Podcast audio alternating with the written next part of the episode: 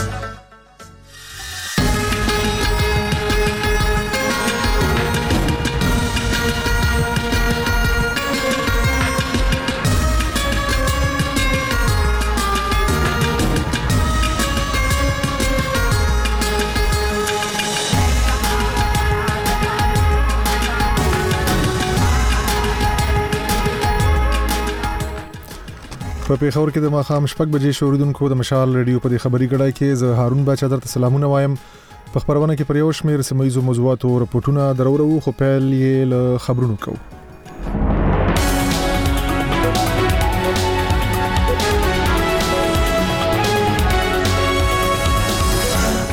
سرټکی د پاکستان شپږو سیاسي ګوندونو په وفاق کې د اتحادي حکومت جوړولو اعلان کړی دی په بلوچستان کې د راو بیا شمیرنې پر مهال نښته کې مرګ ژوبله اوختي او اوکراین په تور سمندرګي کې د روسیې د ویلوې بحري بیړۍ د تبا کولو ادعا کړې ده د خبرونو تفصيل د پاکستان شپږو سیاسي ګوندونو په وفاق کې د اتحادي حکومت جوړولو اعلان کړی دی د مسلم لیگ نون پیپلز پارټي مسلم لیگ کاف متحده قومي مومنټ استحکام پاکستان او بلوچستان عوامي پارټۍ مشرانو پرون په اسلام آباد کې یوې ګډې خبري غونډې ته د وینا پر مهال دا خبره وکړه د پیپلز پارټۍ مشر شریک مشر آصف علي زرداری وویل چې د هیواد د ستونزو د حل لپاره ګډ حکومت جوړوي نن موږ پریکړه کړې چې په شریک به حکومت جوړو او پاکستان ول مشکلات راوباسو هغه ک اقتصادي مسلې دي او کترهګری ده موږ به په شریکه د میان او شریف کورنۍ او نور ملګری کامیابو تر دې وروسته هم پرون د مسلم لیګ نون ویاندې مریم اورنګزیب پر خپل ایکس پاڼه ولیکل چې د ګوند رهبر نواز شریف د وزیر زامه د چوکۍ لپاره د شهباز شریف او د پنجاب د اعلی وزارت لپاره د مریم نواز نمونه تجویز کړی دی بلخو د پاکستان تحریک انصاف ویاند رؤف حسن پرون په اسلام آباد کې خبري کانفرنس ته وویل چې د خپل مشر عمران خان په لارښوونه یې پریکړه کړې چې په مرکز او پنجاب کې به له وحدت المسلمین سره ګډ حکومت جوړوي. ده زیاته کړه چې عمران خان د خیبر پښتونخوا د اعلی وزیر د چوکۍ لپاره علي امین ګنډاپور نومولی دی او هغه به له جماعت اسلامي سره اتحادي حکومت جوړوي. د فبرورۍ پر اتمه په پاکستان کې عام انتخابات وشول، د انتخاباتي کمیشن لخوا ورکړل شوې نتیجې ښيي چې د تحریک انصاف ملاتړ لرونکو ازادو امیدوارانو د قومي اسمبلۍ دوه نوي، مسلم لیګ نون نهه اویا، پيپلز پارټۍ څلور پنځوس او متحده قامي مومنټ پاکستان ولس چوکۍ ګټلې دي د بلوچستان د صوبایي اسمبلۍ پر حلقه پی بی یویش هب د رایو د بیا شمېرنې پر مهال نخته کې دوه کسان وژل شوي او دیارلس نور ژوبل دي د هب د پولیسو مشر اس اس پی منظور بلیدي نن مشال اډو ته ویل چې د ریټرننګ افسر په دفتر کې نخته بیګا د رایو د بیا شمېرنې پر مهال د بلوچستان عوامي ګوند د صالح بوټاني او د نېشنل ګوند د رجب علي رند د بلو پلویانو ترمنځ شوې ده تر دې وړاندې په غیر رسمي نتیجو کې صالح بوټاني له 13 زرو زیاتو رایو سره بریالی اعلان شوی او رجب علي رند د 11 زره ووټونو سره په دویم نمبر وو بلې دي زیاته کړې چې ټول ژوبل کسان او مړي د کراچۍ سیول روغتون ته وړل شوي دي د پاکستان انتخاباتي کمیشن د دې پیښې له وجې د بلوچستان اسمبلۍ پر حلقه پي بي یوویشت د رایو بیا شمیرنه درولې ده. کمیشن ویلي د ریټرننګ افسر دفتر کې د ریکارډ بدلولو په اړه پلټنې کوي او د حقایقو موندلو لپاره یې څلور کسیزه کمیټي جوړه کړې ده. ملي جمهوري غورځنګ وايي پر مشر یې محسن داوړ او نورو غړو د امنیتي ځواکونو د ډزو خلاف مقدمې دایروي. د دې ګوند د خیبر پښتونخوا صوبایي جنرال سیکرټري ندیم اسکر پرون مشالډو ته وویل چې د شمالي وزیرستان د ډي پي او ډیپټي کمشنر او ریټرننګ افسرانو خلاف عدالت ته ځي ملي جمهوري غورځنګ وایي د فبرورۍ پر لسمه په میرامشاه کې د امنیتي ځواکونو په ډزو د دې ګوند مشر محسن داوړ په ګډون پنځلس کسان زخمیان او د ګوند درې غړي ووژل شول بلخوا نګران وفاقي حکومت ویلي چې د محسن داوړ د ملګرو پولیسو ترمنځ په نښته کې ځینو پولیسو ته هم مرګ ژوبله اوښتې خو د شمالي وزیرستان په درپخېلو کې د سیمې یو پولیس چارواکي ډي ایس پي سید جلال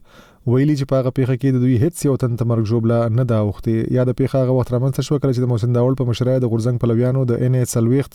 څلوېښتمې حلقې د انتخاباتو د نتیجو د ځنډېدو پر ضد مظاهره کوله د انتخاباتو کمېشن پر هغه حلقه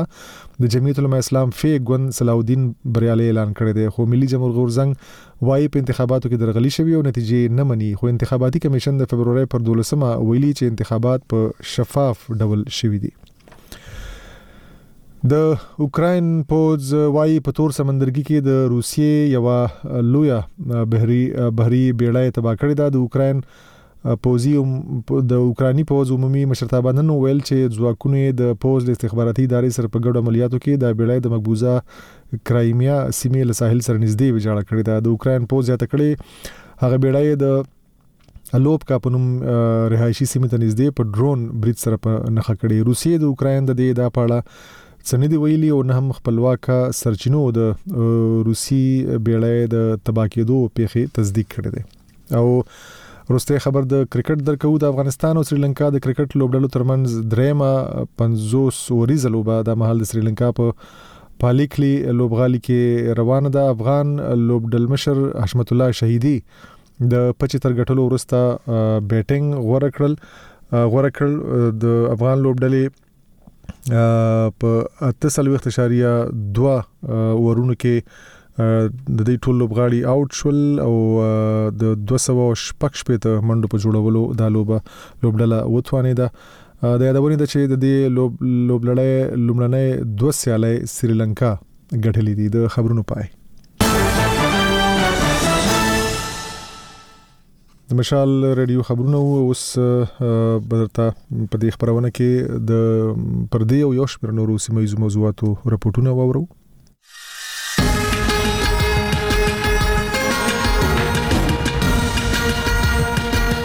په پاکستان کې د 8 فبرवरी د عام انتخاباتو د پایلو پرنا کې په مرکز او صوبو کې د حکومت جوړونې هلې ځلې پیل شوي دي او شنونکي وایي هیڅ یو ګوند چون غوڅ اکثریت نه ترلاسه کړي ځکه نو په مرکز کې جوړیدونکي حکومت به مضبوط نه وي دا ګورنمنت زیات عرصه چلیدای هم نشي او بل خبره دا د پولیټیکل او اکونومیک انسرټنټي هغه به مزید هم زیات شي ملي جمهوریت غورځنګ وایي د دې ګوند پر مشر محسن داوړ او نورو غړو د ډزو پر ضد وبخښي به عدالت ته او د ان ای سلوختمي الکې د انتخاباتو د نتیجو بدلولو پر ضد به الیکشن کمېشن ته ځي. د ډي پي او، ډي سي او ار اوس چې کيم دي دغه خلاف موږ مقدمه درج کوي او اليکشن کمېشن کښې پټيشن تيور کو.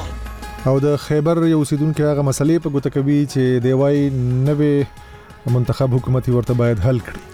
نه سکولونه شته مکمل، نه اوبه شته، نه پيژلګونې شته، يو بد ټولو شيو کمی دی. هله د مشال رادیو سره اوسئ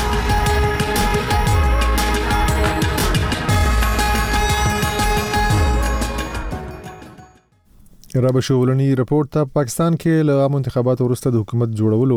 هڅې پیل شوې دي مسلم لیگ نون پیپلز پارټي متحده قومي مومنټ مسلم لیگ کاف او استحکام پاکستان پارټي د مسلم لیگ نون د صدر شهباز شریف نوم د وزیراعظم د نوماند په توګه وړاندې کړی دی بلخو د تحریک انصاف بریالیو غړو چې په خپلواکه توګه یې په انتخاباتو کې برخه اخیستې په مجلس وحدت المسلمین کې د شاملېدو پریکړه کړې ده خو د وزیر اعظم د چوکۍ لپاره د خپل کاندید نوم نه دی اعلان کړی مسلم لیگ نون په پنجاب کې هم د حکومت جوړولو پریکړه کړې ده ویلي دي چې اعلی وزیر به مریم نواز شریف وي بلخوا تحریک انصاف د خیبر پښتونخوا د اعلی وزیر د څوکۍ لپاره د علي امین ګندپور نوم وړاندې کړی دی پیپلز ګوند بیا ویلي چې په سند او هم بلوچستان کې به حکومتونه جوړوي تفصیل اسلام آباد راشد خټک راکوي پیپل پارټۍ متحده قومي مومنټ مسلم لیګ کاف او استحکام پاکستان پارټۍ د حکومت جوړولو لپاره د مسلم لیګ نون سره د مرستې کولو اعلان وکړو د دې ګوندونو مشران په دېرلسمه فرورۍ په اسلام اباد کې د مسلم لیګ کاف مشر چودري شجاعت حسین په کور کې راغونډ شول او د یو پرېس کانفرنس په مهال یې دغه پرېکړه اعلان کړه. مسلم لیګ نون د خپل صدر شهباز شریف نوم د وزیراعظم د کاندید په توګه وړاندې کړو خو په اسلام اباد کې د ورلډ ټریبیون ایډیټر افتخار مشواڼي وایي چې که مسلم لیګ نون حکومت جوړ هم کړي نو ډېره موده به و نه چلېږي. ده په دې اړه مشال رډیو ته وویل. زه خو دې ګورنمنټ نه څه زیات توقع نه لرم او دا ګورنمنټ زیات هرڅه چلیدای هم نه شي، دا ګورنمنټ زیات نه زیات چې کوم دی که ډېر زیات اسټبلشمنټ د دوی لکه دوی سره په شا ولاړ دی او پي ټي آی که دوی ډېر هم کنټرول کړي، ډېر هم زیات لکه سپریس یې کړي نو بیا هم دا ګورنمنټ چې کوم دی کنه د یو کال نه زیات دا ماته چلیدل د دې نه ښکارېږي او بله خبره دا ده پولیټیکل او اکنامیک انسرټنټي هغه به مزید هم زیاته شي. ان سټیبل ګورنمنت چې کوم دغه کله هم د پاکستان موجوده چې کوم کروشل سچویشن دی هغه نشي کنټرول کولی د رسنیو د راپورونو تر مخه پیپل پارټۍ د مسلم لیګ نون سره د کومک په بدل کې د صدر، د قمي اسمبلۍ سپیکر، د سینیټ چیرمین او د ځینو صوبو د ګورنرانو د چوکیو غوښتنه کړې ده. په پېښور کې د جي ان ټي وي بیوروچیف کاشف الدین سید وایي چې دا ملګرتیا به مسلم لیګ نون ته ډېره ګرانه پرېوځي. ځکه چې د ناکامۍ په صورت کې به اتحادیان ټوله پړه په شهباز شریف ور اچوي او د کامیابۍ په صورت کې به ځان هم په کې شریک ګڼي. حکومت چې کوم په وفاق کې جوړیږي د هغې خو د اوس نه حالات معلوم دي چې دا به ډیر کمزوری حکومت وي او داسې ښکاري چې چې کوم سیاسي جماعتونه هغه د حکومت جوړونکي پارټۍ یعنې مسلم لیګ نون سره ملګرتیا کوي نو د هغې هغه مرګرتیا هم مبهمه ښکاري د ټولو نه لویه دویمه پارټي پاکستان پیپلز پارټي د هغې چې پرون کوم میټینګ وشو او هغې مشر بلاول بټو زرداري چې بیا کوم پریس کانفرنس وکړو نو زما په خیال باندې دا ماته کلکه ملګرتیا نه ښکاري داسې ښکاري چې مسلم لیګ نون په یو بل امتحان کې اچول غواړي دغه ګوندونو په کال دوه زره دوه ویشت کې د تحریک انصاف حکومت ختمولو نه پس هم په شریکه حکومت جوړ کړی و. خو هغه وخت د جمعیت علماء اسلام مشر مولانا فضل الرحمن هم د دوی سره ملګری و. بلخوا مسلم لیګ نون په پنجاب کې هم د حکومت جوړولو پرېکړه کړې ده او د وزیراعلا د چوکۍ لپاره یې د نواز شریف لور مریم نواز نوم وړاندې کړی دی. که حکومت یې جوړ کړو نو دا به په پاکستان کې ړومبی ځل وي چې یوه ښځه وزیراعلا جوړه شي. دغه شان د تحریک انصاف غړو چې په ازاد حثیت کې په انتخاباتو کې برخه اخیستې وه په مجلس وحدت المسلمین کې د شاملېدو اعلان کړی دی خو د وزیراعظم د چوکۍ لپاره یې د خپل امیدوار نوم نه دی اعلان کړی. البته په خیبر پښتونخوا کې د وزیراعلا د نوماند په توګه د علي امین ګنډپور نوم وړاندې کړی دی. د امکاني اتحادي حکومت په هکله په اسلام اباد کې د نمل پوهنتون ډین ډاکټر خلو سلطان مشال رډیو ته وویل. ډیر اوپینین لیډر دا رای ده چې دا به د کال نه زیات هم نه چلیږي. زما دې ویو سره لون تک اختلاف په دې دی چې تاسو ته پته ده چې د تیرو کال نه دا هغه فورسز چې کوم انویزیبل فورسز دي چې د پاکستان په حقیقت که واکداران دي هغه يې دې حکومت جوړولو لپاره څه ونه کړل دی له دا حکومت هغه يې ورکړ دې لپاره يې ورکړ چې دا حکومت څه وچليږي هه پوره خپل ټايم به ټينيور به نه پوره کوي خو ماته لګي چې دا به څه موده چليږي بيا به د کال نه زيات به وچليږي. په قومي اسمبلۍ کې د تحریک انصاف غړو دوه نوي، مسلم لیګ نون اتیا، پیپل پارټۍ څلور پنځوس، متحده قومي مومنټ اوولس، جمعیت علماء اسلام څلور، مسلم لیګ کاف درې، استحکام پاکستان پارټۍ دوه، او مجلس وحدت المسلمین یوه چوکۍ ګټلې ده. د وزیراعظم جوړېدو لپاره د ښځو لپاره ځانګړې شوې چوکیو نه علاوه یو سل څلور دېرش رایې اخیستل ضروري دي. راشد خټک، مشال رېډیو، اسلام اباد. په بلوچستان کې نن په شپږمه ورځ هم د انتخاباتي نتیجو پر ضد د بېلابېلو سیاسي ګوندونو احتجاج روان دی. دوی تور پورې کوي چې حکومت د اتمې فبرورۍ د انتخاباتو نتیجې بدلې کړې دي خو د بلوچستان حکومت دا تور ردوي بلخوا د هغه صوبې په هب ښارګوټي پر یوه حلقه د رایو د بیا شمېرنې پر مهال د دوو ډلو ترمنځ په ډزو کې دوه کسان مړه او دولس نور زخمیان شوي دي تفصیل له کوټې ایوب ترین راکوي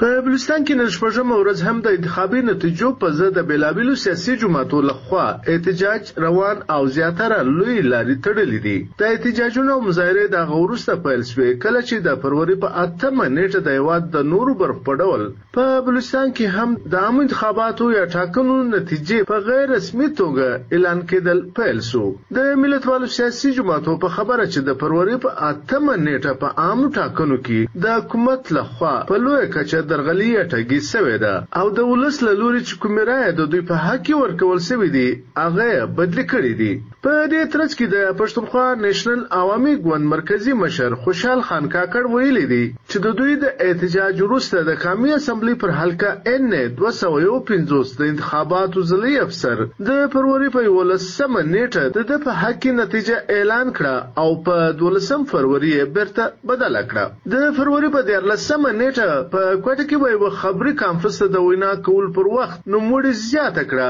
چې دوی به په کوټه کې د بلوچستان د ملتپالو ډلو په احتجاج کې هم ګډون وکړي. موږ خپل وفد جوړوو او هم دوی له ورځو د دوی په دې احتجاج کې هم شراکت ورسره کوو او هم دوی ته دا خواست کوو چې راسي تېې هم زموږ په دې احتجاج کې له موږ سره شراکت وکړي.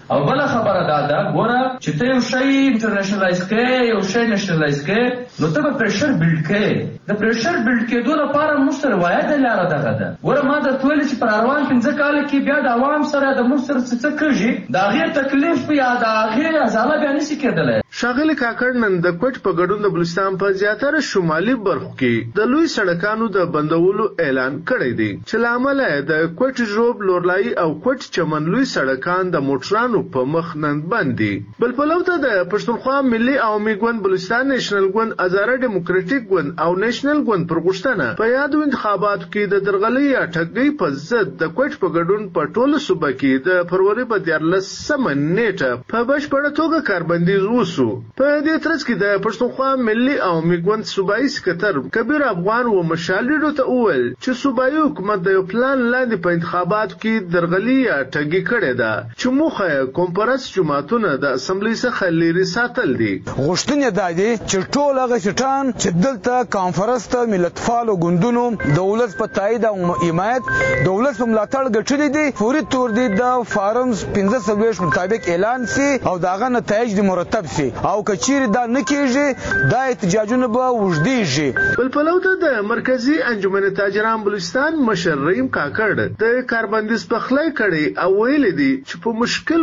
وخت کې د صوبې د ځايي جماعتو سره کومک کول د دوی ذمه داري ده. د دوی سره ناجایز څه شوی ده، ظلم شوی دی، موږ یې پخپله وینو چې دا ظلم دی، د دوی سره موږ خامخا په دې سیستم کې دریږو. خو د بلوچستان حکومت په وار وار دا تورونه رد کړي دي او د فرورۍ په دیارلس مه نېټه یې د مشال ریډو سره په خبرو کې د بلوچستان د اطلاعاتو نګران صوبايي وزیر جان اچکزي ویلي وو چې د احتجاج پر ځای په کار دی چې یاد سیاسي ګوندونه عدالت یا الیکشن ټریبونل ته مراجعه وکړي او خپلې ستونزې دې د هغې لارې هوارې کړي. دا ډول دلته په کوټه کې د ملتپالو ګوندونو څلور جماعتي اتحاد له خوا اعلان شوی دی، چې د فروري په پنځلسمه نېټه به په ټوله صوبه کې احتجاجي لاريونونه او مظاهرې کوي. په کوټه کې په جاري شوي يو بيان کې زياته شوې ده چې د فروري په اوولسمه نېټه به په کوټه کې لويه احتجاجي جلسه وکړي کوم ته چې به د ياد ګوندو مرکزي او صوبايي مشران ويناوې کوي. دا ډول به د فروري په اتلسمه نېټه د هېواد د نورو برخو په لور تلونکي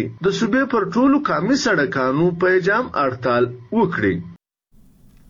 په ابترین رپورټ هو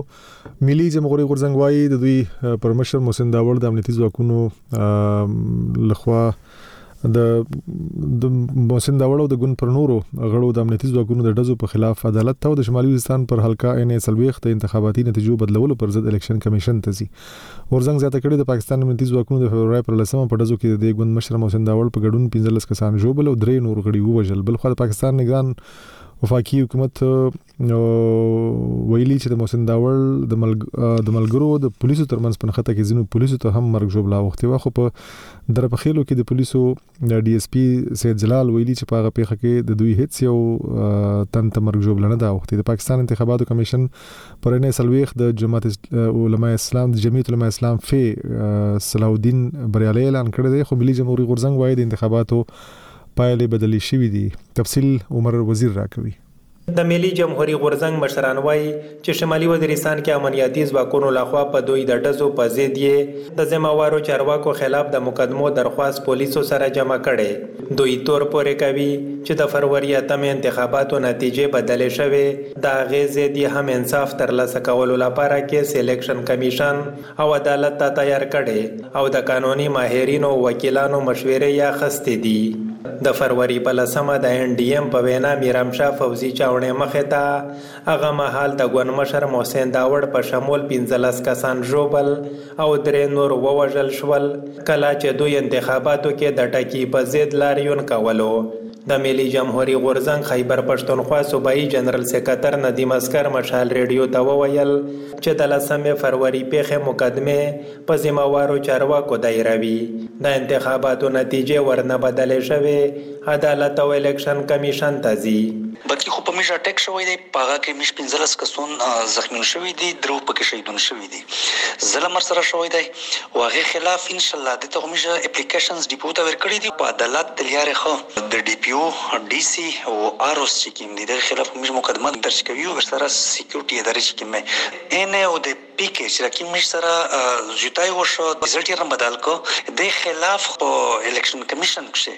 پټیشن تیور کړ خپل ریزلټ وپس ورکولیو. ملي جمهوري غورځنګ پلویانو د تېرو څو ورځو نه احتجاجونه پیل کړي، وايي چې په محسن داوړ او ملګرو یې برید شوی، انصاف غواړي، احتجاجونه به یې دوام لري، د وزیرستان ټول بازارونه به بند وي. دوی د میرامشاه میرعلي بازارونو ترڅنګ وزیرستان کې دننه او دغلته تلونکې ټولې لارې تړلې. د ملي جمهوري غورځنګ شمالي وزیرستان یو فعال عادل داوړ میرامشا کې احتجاجي غونډې ته پرون د فروري په دیرلس مه خپله وینا کې وویل چې کومه ناانصافي ورسره شوې د هغې ازاله غواړي دوی وژل شوي او ژوبل شوي ورباندې الزام هم لګول شوې خو دغلته د پولیسو افسر د حکومت دعوې خپله رد کړې چې ویې ویل چې هیڅ پولیس د فروري لسمې پېښې کې نه وژل شوی او نه ژوبل شوی دی. د وزیرستان په ووډ باندې چې کیمه ډکه اچولې شوې ده دلته سودوګر ورته ناست دي چې دې خلکې ته بلۍ ورکولې او سیټ یې خرڅولو دا سیټ چه تو چاته ورکړه ده دا میز بیا درنه وخلی پرونو ورځ باندی د میز په چیرمین صاحب باندی د میز په ملګریو باندی چه کیم فایرینګ وکړو د میز دری ملګری یی شهیدان کړل ای ته یو بروبر حساب ورکوی د وزیر اعظم هغی بیان ورکړلو چه دی فایرینګ کړو نن د پولیس یو مشر د ټوله دنیا په مخ کښی مو دا پوښتنه ځنه وکړه چه دا خلک تو ته داس درلاږی که دا یو فایرینګ په کړه وی ده ویل چه زه ایمان تیره وه چه مو یوس په یار دا خوزه. ملي جمهوري غورځنګ وايي چې د چاوڼۍ مخې ته ډزې امنیتي سرتېرو کړې، دوی یې وژلي، ژوبل کړي، خو د شمالي وزیرستان انتظامیې او فوځي چارواکو لا هم د لسمې فروري د ډزو په پېښه څه غبرګون نه دی ښودلی. بل طرف دوه ورځې وړاندې د پاکستان لنډمهاله وزیراعظم رسنیو سره خبرو پر مهال ویلي ول چې د ملي جمهوري غورځنګ احتجاج کوونکي د ټوپکو سره د ریټرننګ افسر دفتر مخې ته وروان ول نو فوځ ډزې وکړې خو ملي جمهوري غورځنګ دغه تورونه رد کړي او ذمهوارو ضد یې مقدمې دایرولو درخواست جمع کړی. بل طرف د پولیسو ډي ایس پي هم تېره ورځ دغلته احتجاج کوونکو ته ویلي چې د پولیسو هیڅ کوم سرتېری نه وژل شوی او نه په دغه پېښه کې ژوبل شوی دی. عمر وزیر، مشال ریډیو، بنو. مشال رېډیو ته غوږی اوریدونکو په خیبر کې د فبرورۍ اتمې نیټې د عامو انتخاباتو سرکاري نتیجې جاري شوي خو تر اوسه کوم نوماند یا کوم ګوند په دغه اړه شکایت یا احتجاج نه دی کړی دا چې د خیبر اوسیدونکي په مرکز او صوبه کې د چا حکومت غواړي او له خپلو نوو منتخب استازو بیا څه تمې لري دا به د فرهاد شینواري په دې رپورټ کې واورو په خیبر ضلع کې د فبرورۍ اتمې نېټې عامو انتخاباتو تر سره کېدو نه پس کومو امیدوارانو د رایو اچولو په عمل کې د درغلیو تورونه نه دي لګولي او نه یې هم کامیابه شوو امیدوارانو د نتېجو پر ضد کوم رسمي شکایت جمع کړی. د خیبر ضلعې د قامي اسمبلۍ په ویشتمه حلقه ورسره بیا په درې واړو صوبايي حلقو یعنې پي کې یو کم اویا اویا او یو اویا باندې د پاکستان تحریک انصاف حمایت یافته ازادو امیدوارانو کامیابي ترلاسه کړې. د قامي اسمبلۍ په ویشتمه حلقه محمد اقبال اپریدي او بیا په صوبايي حلقه پي کې یو کم اویا باندې عدنان قادري اویا باندې محمد سهیل اپریدي او یوویا باندې عبدالغني اپریدي کامیاب شوي. دا چې د خیبر ضلعې وګړي اوس کوم ډول حکومت غواړي او له دوی بیا څه تمې ساتي، په دې لړ کې ځینو کسانو مشال ریډیو سره خپل نظرونه شریک کړي او دوی وايي، حضرات دغه تمه ویرودن دو چې بس خو حکومت روشي په عمل باندې نو سکولونه شته مکمل نو بشتا نه پیژلګونه شته یو با دا ټول شایو کمای دی و داسې وزیر اعظم په باندې اعلی مقرر کی چې کوم لا ووم خګړې پورا و ووم لا خګړه ور ورسا ویړه ډیر کې ماته دی چونی و چې کې ماته غریب سړی نن صاحب نه چې څه خلای شي ورټه پنیما ګډه خوري مولا چې کوم دا داسې حکومت شروع شي چې موږ ته نرخونه ښه کړي موږ خو ډېر عمر دی موږ کم نو کم پنځه شپېته کوله عمر دی و ډېر وزیرون وار څه تېر شول خو هغه په مخ کې چې کوم دا یاد هسې یو چې نرخونه وار څه ښه وي اوس نرخونه ډېر قیمته شوي دي نو بس یې موږ لپاره چې کوم دا نرخونه ښه شي و وون خوښ ول شي محمد خالد منګي باره کې خدغه چې منګي هو به حد زیاته بس صرف دغه چې وړو توړب سړی لونه کنه بازار حالت لګه سپي کې صادق الله نو مسایل خو ډېر زیات دي بجلی دی اوبه ده ګیس دی دا ډېر زیات مسایل دي انشاءالله د امید لرو چې دا ټولې مسلې حل کړي انشاءالله ما نامه هارونالدین ده بجلی نشته دی اوبه سخته مسلې وي اوبه وي بجلی ده موږ ته دلته دلته سینې په یخنۍ کې خو سینې وي او په ګرمۍ کې د ډنګي او ملیریا دا شیان ډېر زیات وي د خیبر ضلعې د صوبايي حلقې پي کې یو کمه ویا یعنی لنډ کوتل نا کامیاب شوی د خیبر پښتونخوا د صوبائی اسمبلۍ غړی عدنان قادری ویلی چی دوی به هڅه کوی چی خپل حلقی خلکو لپاره پرمختیایی کارونه وکړی. چی د خپل غریب ولس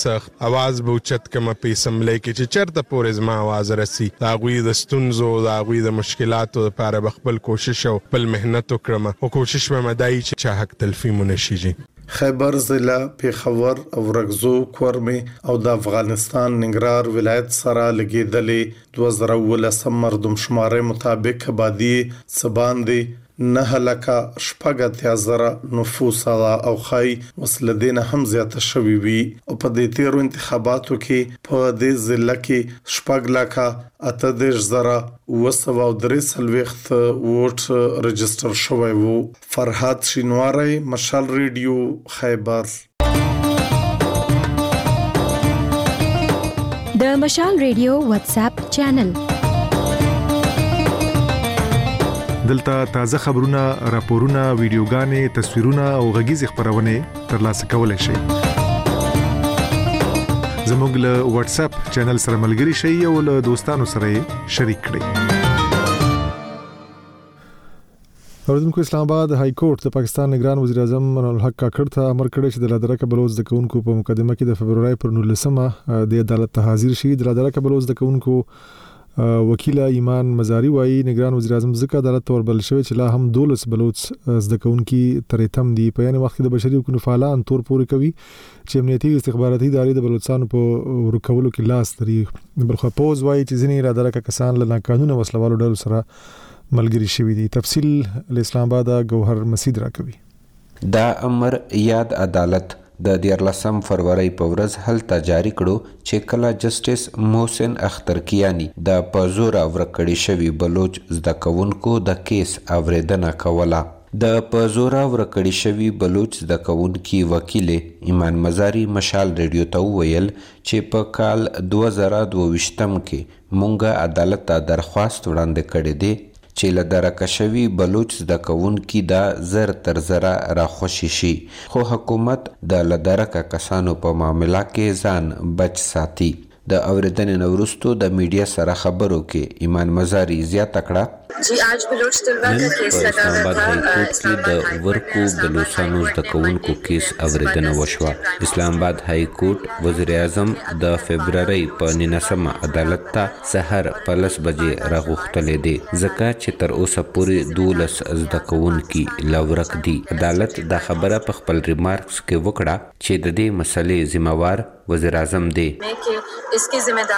د یاد کېس په اړه تېر کال په نومبر کې اسلام اباد هايي کورټ حکومت ته خبرداری ورکړی وه چې حکومت د مشېرانو په وړاندې به قضیه ثبت شي که چرې دوی د ورک شوي بلوچ زده کوونکي را پیدا نه کړل. د دې اورېدنې په مهال د پاکستان اټارني جنرل عدالت ته وویل چې د له درکه شوو پنځوس کسانو څخه دوه ویشت بېرته راخوشې شوي او د نورو اته ویشتو حال حوال لا معلوم نه دی. په عدالت کښې دننه د اورېدلې حال چې کله مشال رېډيو د خبريال ذيشان سيد سره وپوښتل نو ده دخپلې کتکې څه داسې بيان کړې.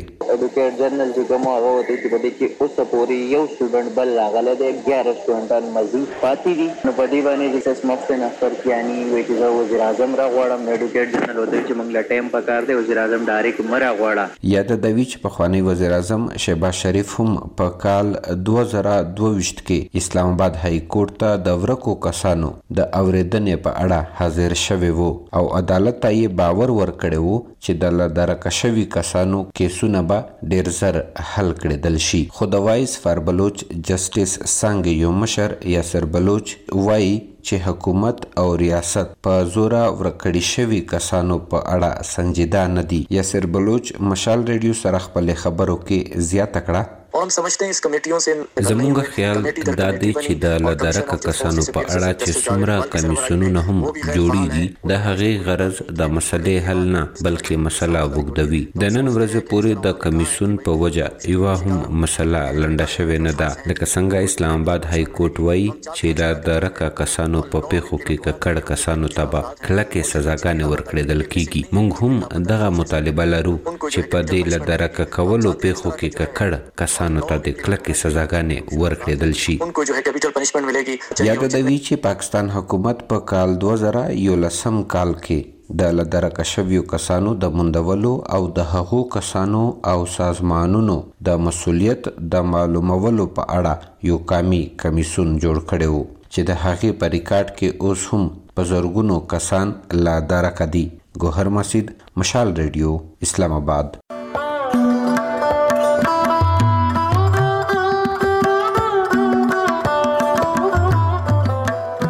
مشال راډیو، پر یوټیوب، انسټاګرام، فیسبوک او ټویټر هم تعقیبولای شئ.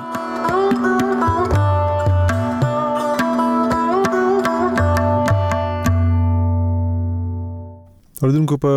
پیښور کې د ماخام شپږنیو بجې کېدونکې دي تاسو ته به لند خبرونه وړاندې کوو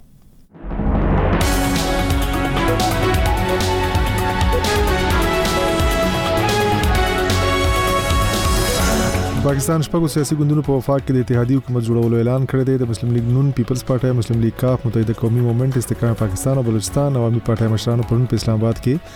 یوې ګډې خبري غونډې ته د وینا پر مهال دا خبره وکړه د پیپلز پارټۍ شریک مشر آصف علي زرداري وویل چې د هیواد د ستونزو د حل لپاره ګډ حکومت جوړوي بلخو د پاکستان تحریک انصاف ویاند روف حسن پرون په اسلام آباد کې خبري کانفرنس ته وویل چې د خپل مشر عمران خان په لارښوونه پریکړه کړې چې په مرکز او پنجاب کې به له مجلس وحدت المسلمین سره ګډ حکومت جوړوي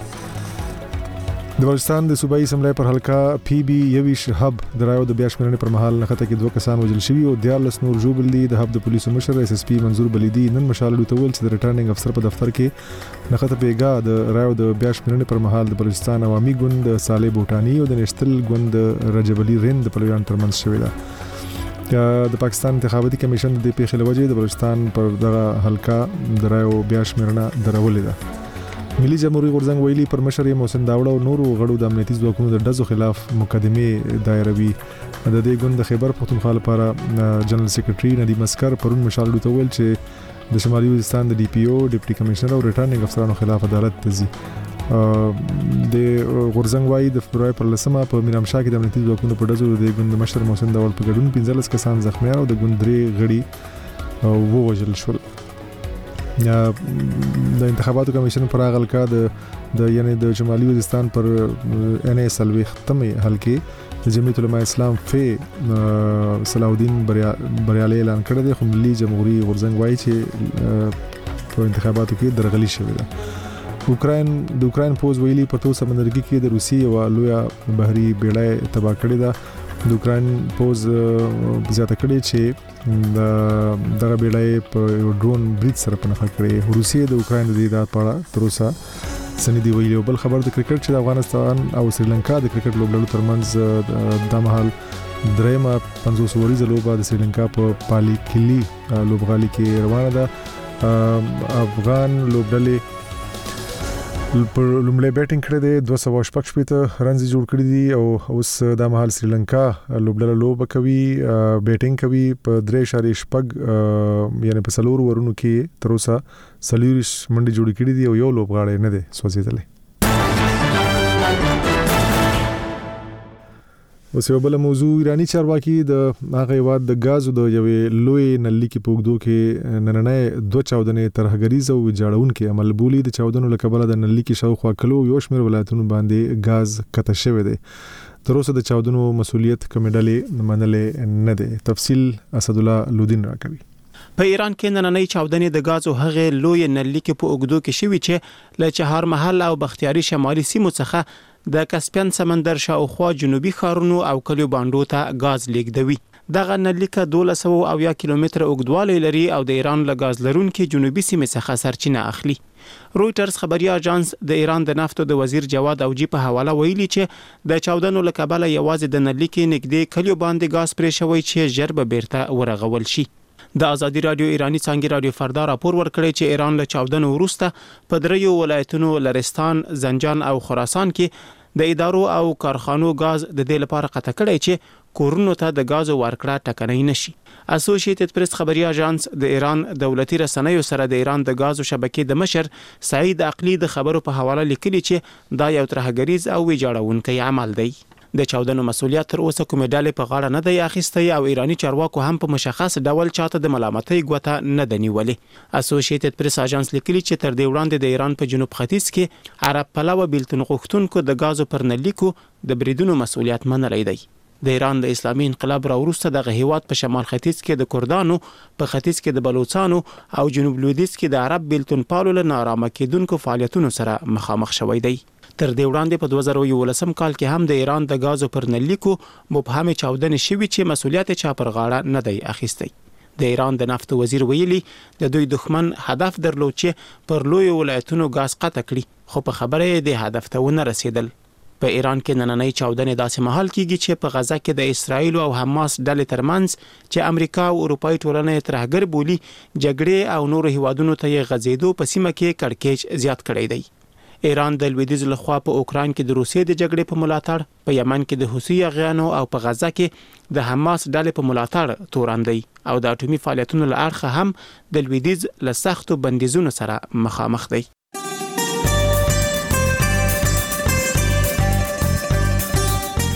د مشال رېډيو د پنځشنبې یا زیارت ورځې اونیزې خبرونه د مشال تر رڼا لاندې په لسنیمو بجو پښتونخوا کلی په کلی. په یوه بجه. پام کوه. په دوه نیمو بجو. د ځوانانو غږ. په دریو بجو. سروې. په څلور نیمو بجو. هارون باچا هنري ګړی. په پنځو بجو. ټاکل شوې نن په قرغیزستان کې د افغانستان پر سیاسي، اقتصادي او بشري وضعیت خبرې وشي. په دې غونډه کې به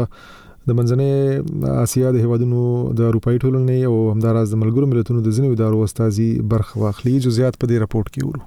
په پلازمینه بشکک کې په نننۍ غونډه کې د افغانستان لپاره د اروپايي ټولنې استازی توماس نیکلاسن، د منځنۍ اسیا د هیوادو لپاره د دې ټولنې ځانګړې استازې تیري هاکلا او د افغانستان لپاره د منځنۍ اسیا د هیوادو ځانګړي استازي ګډون کوي. د ملګرو ملتو یو شمېر استازي هم دې غونډې ته وربلل شوي دي. د ازادي راډیو د قرغزي څانګې مشر کبات قاسم بیکوف وایي،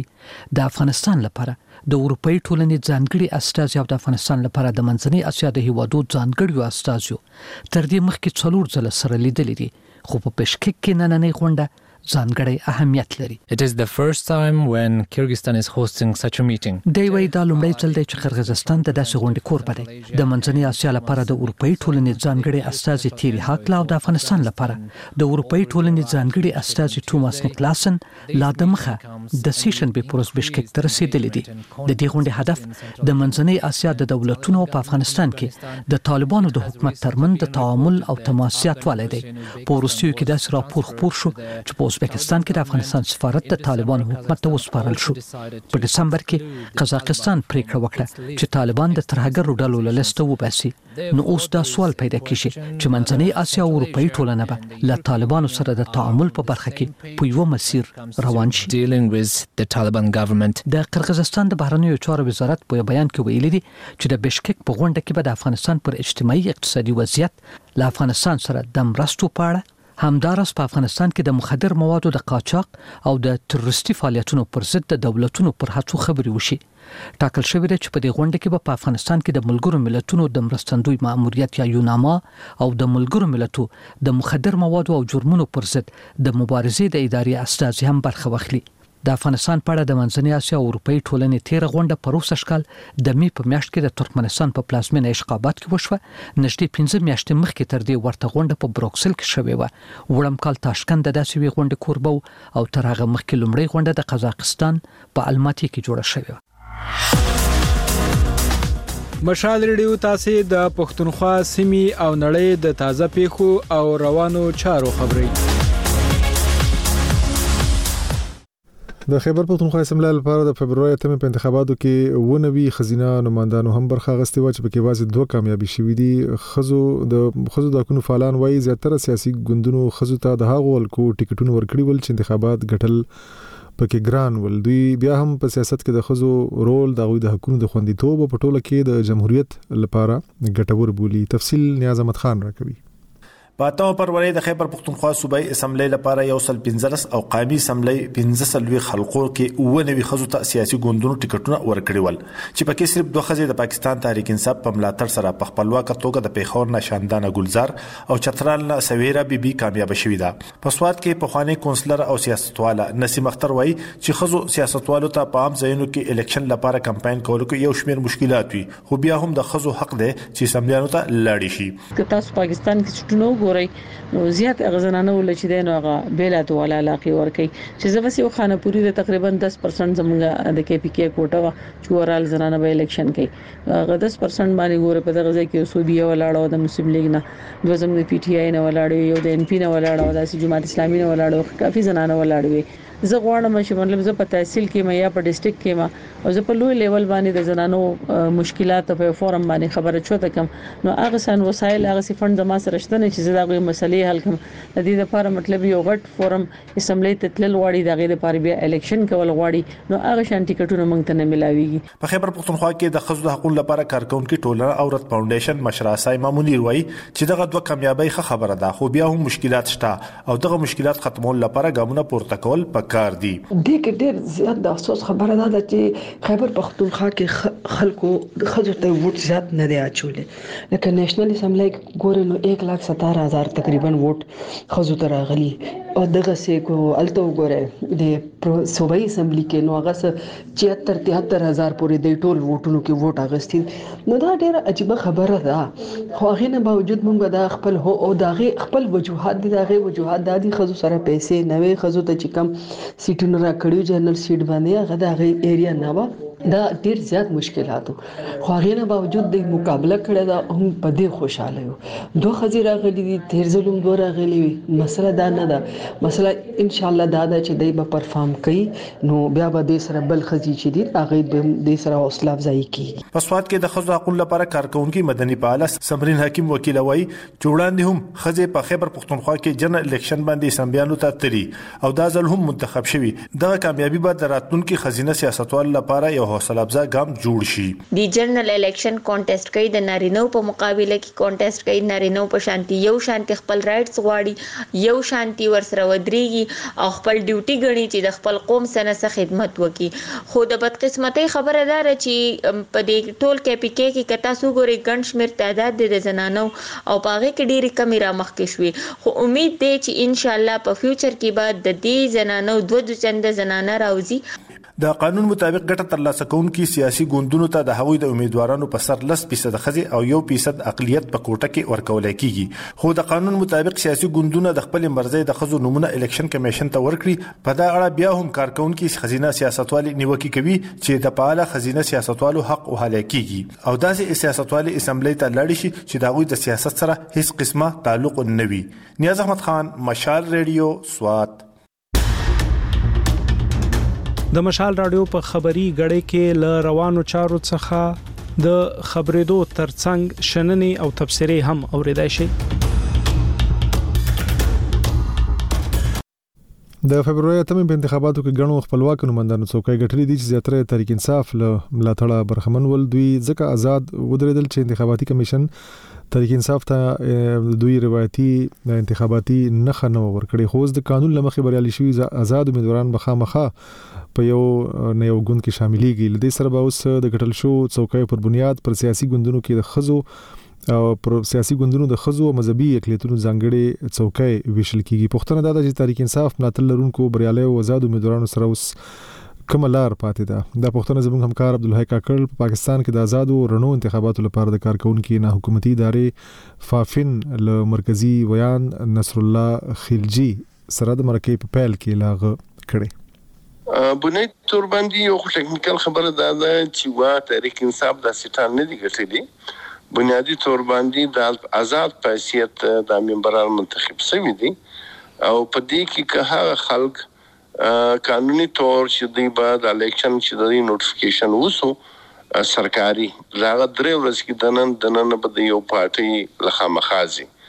او که نه ځي دوی ازاد هم کښېنستلی شي مګر شرط دا دی چې دوی به بيا هغه نور مخصوص سيټان چې دي په هغه کې به د دوی حصه نه وي. یعنی مخصوص سیټان تاسو یادوی د ښځو او اقلیت. جو د ښځو د اقلیت چې کوم سیټان دي یا دره دېرش پرسنټه د اقلیت د ښځو دي او دغسې د اقلیت خپله یو کوټه ده په هغه بنیادی طور باندی دا په پارلیمنټ پارلیمنټرین چې څو ووټونه اخستی په هغه بنیاد باندی دا تقسیمیږي. هري پارټۍ چي څو ووټونه اخيسي هغه ته د دوی دغه دغه حصه ورکول کيږي نو که دوی يو پارټۍ له نسي ولاړ ازاد کښيني نو دوی ته هغه کي به حصه نه ورکول کيږي او که دوی يو پارټۍ له ولاړ سي بيا چي څو کسان ولاړل د هغه د ووټو په تعداد به دوی پاکي حصه داري. ښه اوس دې کې چې تحریک انصاف اوس فیصله کړې ده چې دوی به وحدت المسلمین ته ځي یعنی لا غو سر به اتحاد کوي نو تاسو ته څه ښکاري چې د دې اتحاد شاته هم دغه دي چې دوی غواړي چې دغه آزاد امیدواران ټول لاړ شي او وحدت المسلمین ته او د شوزو بیا سیټونه وګټي یعنی د دې زاد دوی د دې ګام زاد دوی هدف تاسو ته څه ښکاري د دې خو دغه واضح هدف دی چې د چارغو دی ته دا حصه نه ملاویږي تر څو چې دی یو پارټۍ کې شامل سوي نه اتحاد نه شاملیږي به دی دغه پارټۍ حصه کیږي به دی نو چې دی دغه پارټۍ حصه سي بیا به دغه پارټۍ چې څو منتخب خلک یي دغه څو ووټونه یي دغو نه به د ښځو او د مذهبي اقلیتو په حواله څو حصه یي هغه به هغه پارټۍ ته ورکول کیږي دا د دوی مقصد شنو اوس دا وحدت المس شاه اوس دا وحدت المسلمین سره چې عمران خان پارټي اعلان کړی دی چې مو به دوی خو د اتحاد لفظ استعمال کړی دی بهر حال تاسو وایي چې دوی به شاملې شي نو که شامل هم سي نو دوی ته داسې مسله خو نه جوړیږي چې وحدت المسلمین کې د شاملې دوه د لپاره بیا نور شرایط وي کنه غو شرایط نسته بل یا بل هیڅ شرایط نسته چونکه دوی ازاد دي لکه څنګه چی ازاد اوس په مسلم لیګ نون کی شاملیږي په پیپلز پارټی کی شاملیږي دغسی په دوی په جمعه اسلامی کی شاملیدلی سی دغسی دوی په وحدت المسلمین کی شاملیدلی سی دا ددوی حق دی چی دوی شامل سی په دا پارټیانو کی. یعنی هر هغه پارټی چی تاسو وایاست چی هغه انتخاباتی کمیشن ورته نخشه ورکړی وی هلته دوی منل سوی وی هغه کی هره یوه چی وی که هغه وحدت المسلمین وی که جم اسلامی وی که این پی وی که مسلم لیګ نون وی په هر یو کی شاملیدلای سی. جی او بلکل بلکل شه دغسی ده اوس دی کی یو بل سوال دا دی چی که چیری دوی په هغه کی یعنی وحدت المسلمین یا بله پارټی کی شامل سی د ازاد د تحریک انصاف والا نو هغه چی کوم د ښځو یا د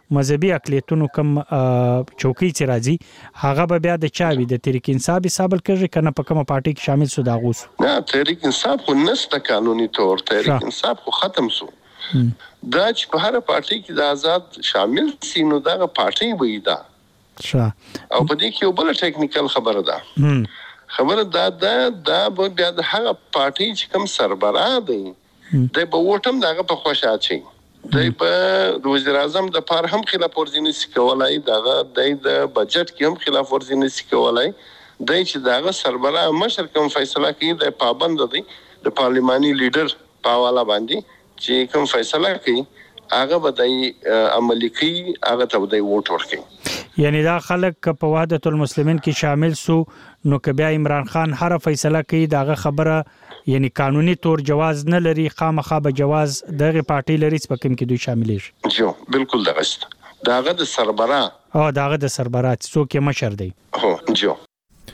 د ناحکومتي ادارې چې د ازادو او رڼو انتخاباتو لپاره کار کوي او فافین نومېږي،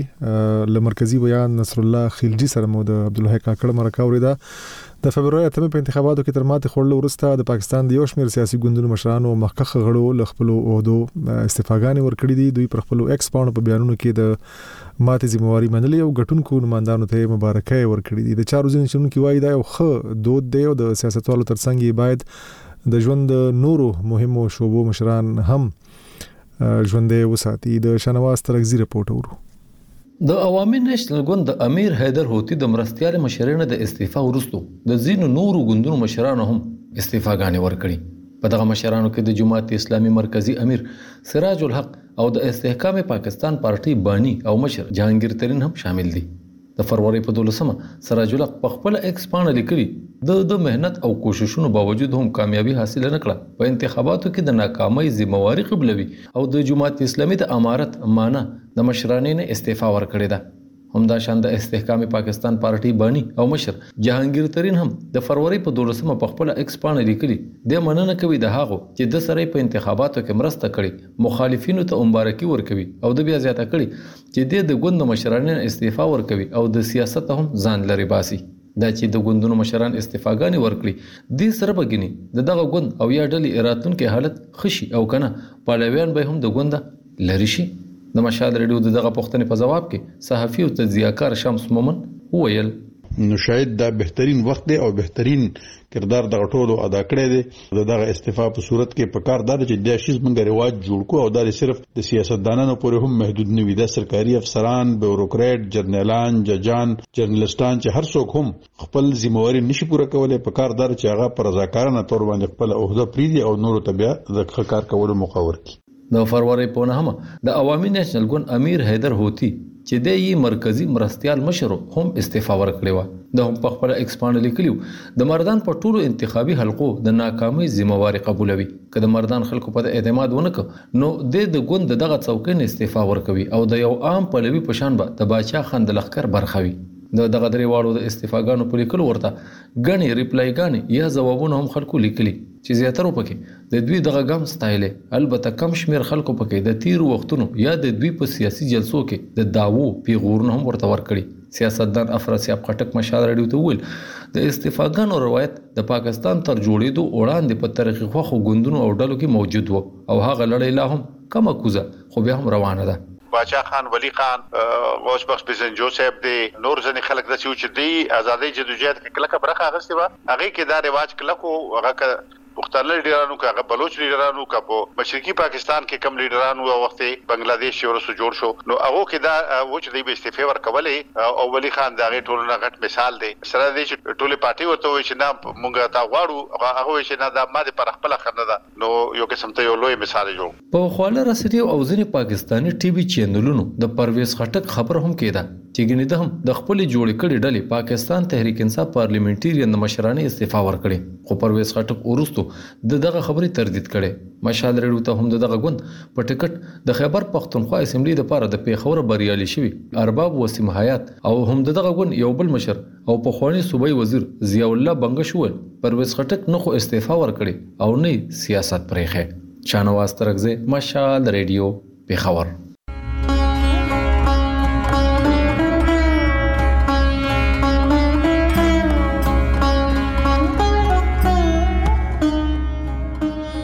مشال راډيو، پر خبرونو او راډيويي او ويډيويي راپورونو سربېره، ستاسو لپاره ځانګړي اونیزې خبرونه هم لري او ریدل او لیدل یې مهیروي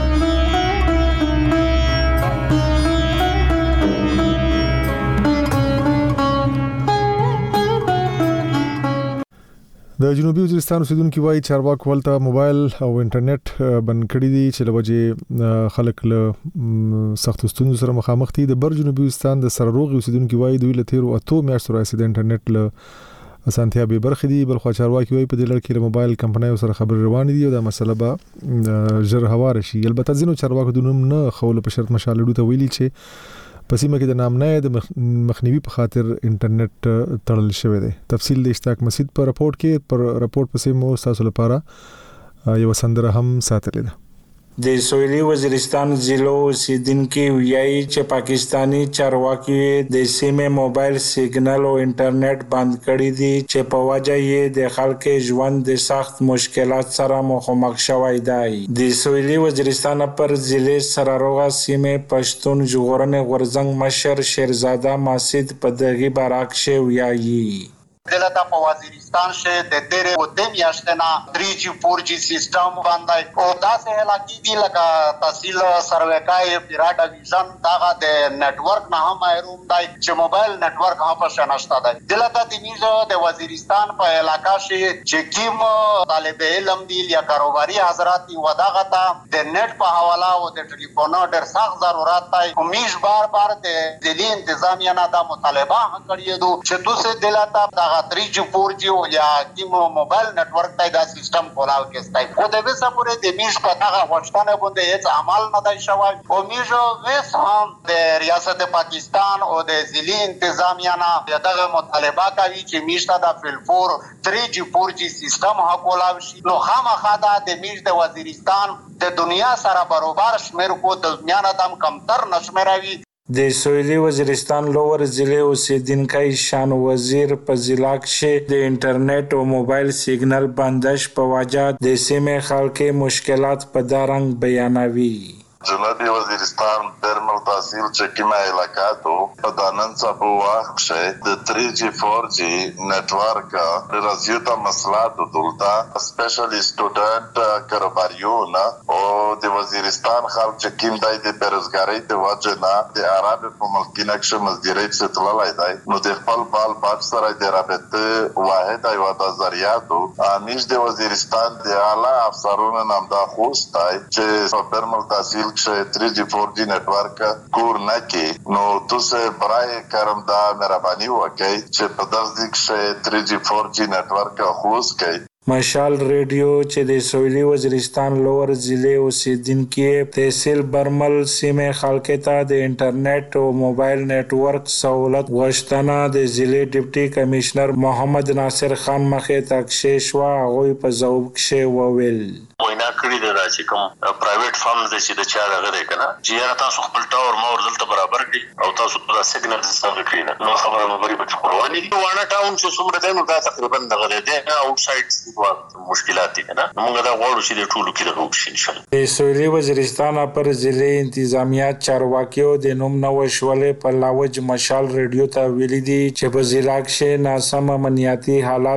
په واجه انټرنیټ د خلق ژوند ژغورنې د پورا د پاکستاني پوځ چارواکیو په وینا بنې بند کړای شوی دی خو د سویلي وزیرستان ضلعې اوسیدنکي مشال ریډیو ته دا هم ویلي دي چې که حکومتي چارواکیو په ضلعو کښې یې د انټرنیټ سهولت زر بحال نه کړي بیا به دوی په احتجاج لوس پورې کولې بنې به مجبور وي. اشتیاقمه سید مشال ریډیو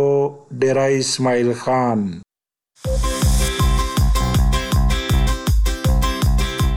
مشال راډیو تاسو ته د افغانستان او پاکستان له مختلفو سیمو راپورونه وړاندې کوي. زه شبیر احمد جان یم او تاسو ته له پیښور چارسدې مردان نوخار او چار چاپیر سیمونه رپورټینګ کوو د مشال ترڅنګ اوسئ